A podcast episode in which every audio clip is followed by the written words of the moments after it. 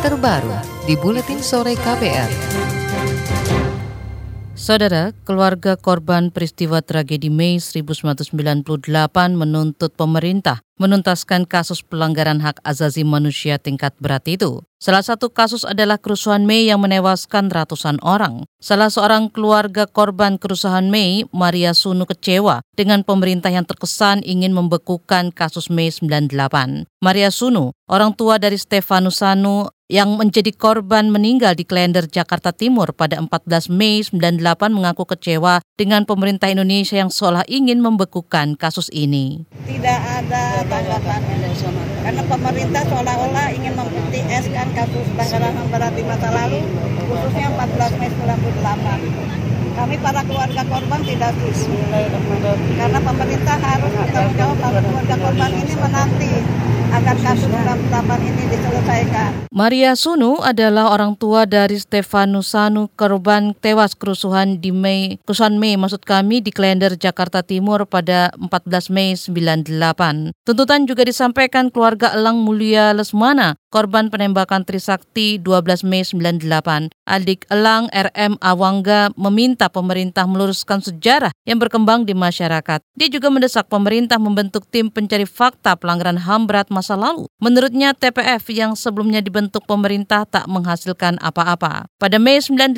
dalam aksi demonstrasi empat mahasiswa Universitas Trisakti tewas ditembak. Mereka adalah Elang Mulia Lesmana, Heri Hertanto, Hafidin Royan dan Hendrawan Si. Penembakan itu makin membesarkan gerakan reformasi hingga Presiden Soeharto turun jabatan pada 21 Mei 1998. Hingga kini pelaku dan dalang penembakan para mahasiswa maupun provokator kerusuhan Mei tidak terungkap. Komisi Nasional Hak Asasi Manusia Komnas HAM menilai pemerintah tidak memiliki peta jalan yang jelas untuk penuntasan kasus pelanggaran HAM berat termasuk kasus Mei. Anggota Komnas HAM BK Ulung Hapsara menyebut pasca pertemuan dengan Presiden pada Juni tahun lalu tidak ada tindak lanjut apa pun untuk penyelesaian kasus HAM berat. Bahkan surat yang dikirim Komnas HAM kepada Presiden pada awal Februari lalu juga tidak mendapat balasan. Ya, kami sampai saat ini belum mendapat informasi apakah pemerintah itu uh, presiden sudah membuat peta jalan penyelesaian kasus pelanggaran HAM yang berat yang realistis. Ya belum ada, belum ada. Jadi ini bukan masalah abu-abu atau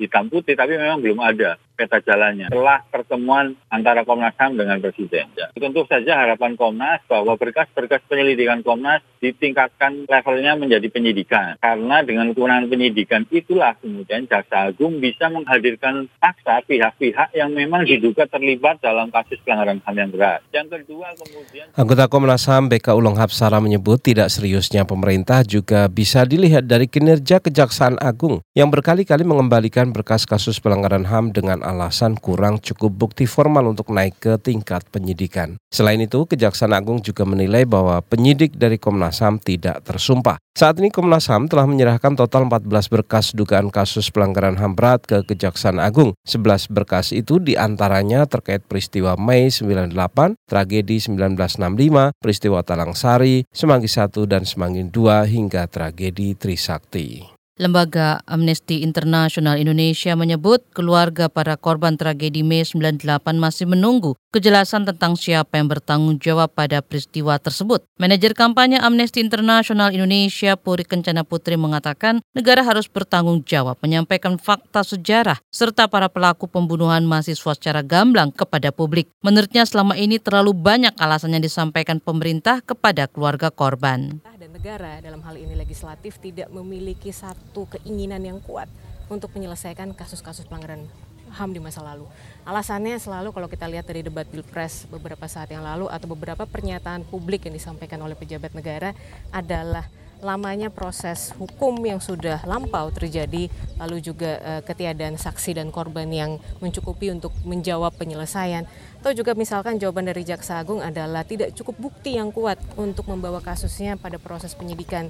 Manajer kampanye Amnesty International Indonesia Puri Kencana menambahkan, keluarga korban akan terus menagih janji pemerintah Indonesia hingga kasus ini dituntaskan. Amnesty International juga memastikan akan terus mendukung upaya yang dilakukan oleh Kontras dan Komnas Perempuan dalam memperjuangkan hak korban.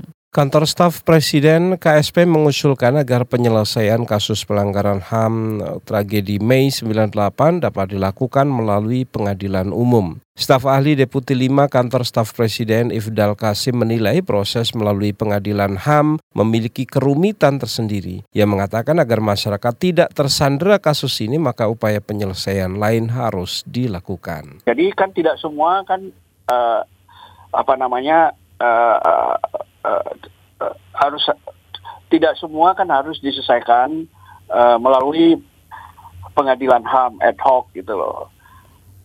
Nah, tapi juga bisa diselesaikan melalui pengadilan umum, pengadilan militer kalau uh, misalnya uh, dari berkas-berkas yang ada itu di ditelusuri disidik lebih jauh uh, dengan menggunakan uh, perspektif hukum pidana gitu, bukan perspektif uh, dari sudut pengadilan HAM karena itu ada kerumitannya ya. Itu tadi staf ahli Deputi 5 Kantor Staf Presiden Ifdal Kasim. Ifdal mengatakan selain upaya menyelesaikan dengan cara hukum, penyelesaian kasus Mei 98 juga bisa melalui cara-cara rekonsiliasi. Ifdal mengatakan pemerintah telah mengupayakan penyelesaian kasus HAM Mei 98 misalnya dengan membuat pertemuan antara Komnas HAM dengan Kejaksaan Agung. Namun karena saat itu DPR menganggap tidak ada pelanggaran HAM berat, maka DPR tidak membuat rekomendasi untuk Presiden Presiden. Kejaksaan Agung hingga saat ini belum bisa diminta komentarnya terkait desakan penyelesaian kasus pelanggaran HAM berat tragedi Mei. Saat dihubungi jurnalis KBR, juru bicara Kejaksaan Agung Mukri mengatakan belum memegang data lengkap sehingga tidak bisa berkomentar. Sejenak saudara kita berolahraga bersama Sindu Darmawan. KBR Sport. Bekas juara dunia tinju dari Indonesia Elias Pikal belum menerima gaji selama hampir lima bulan di Komite Olahraga Nasional Indonesia KONI. Elias saat ini bekerja sebagai staf tata usaha KONI. Bekas juara tinju dunia kebanggaan Indonesia pada era 1980-an ini enggan bicara banyak mengenai keterlambatan gaji tersebut. Kepala Bagian Tata Usaha KONI Pusat, Haryanto, mengatakan ada lebih dari 100 karyawan KONI yang belum digaji. KPR Sport. Manchester United hanya mampu finish di posisi 6 klasemen akhir Liga Premier Inggris musim ini.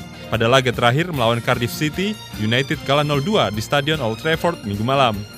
Hasil itu membuat MU gagal tampil di Liga Champions musim depan setelah kalah 5 poin dari Tottenham Hotspur. Sejumlah rekor buruk diciptakan The Red Devils di bawah asuhan Jose Mourinho dan Ole Gunnar Solskjaer.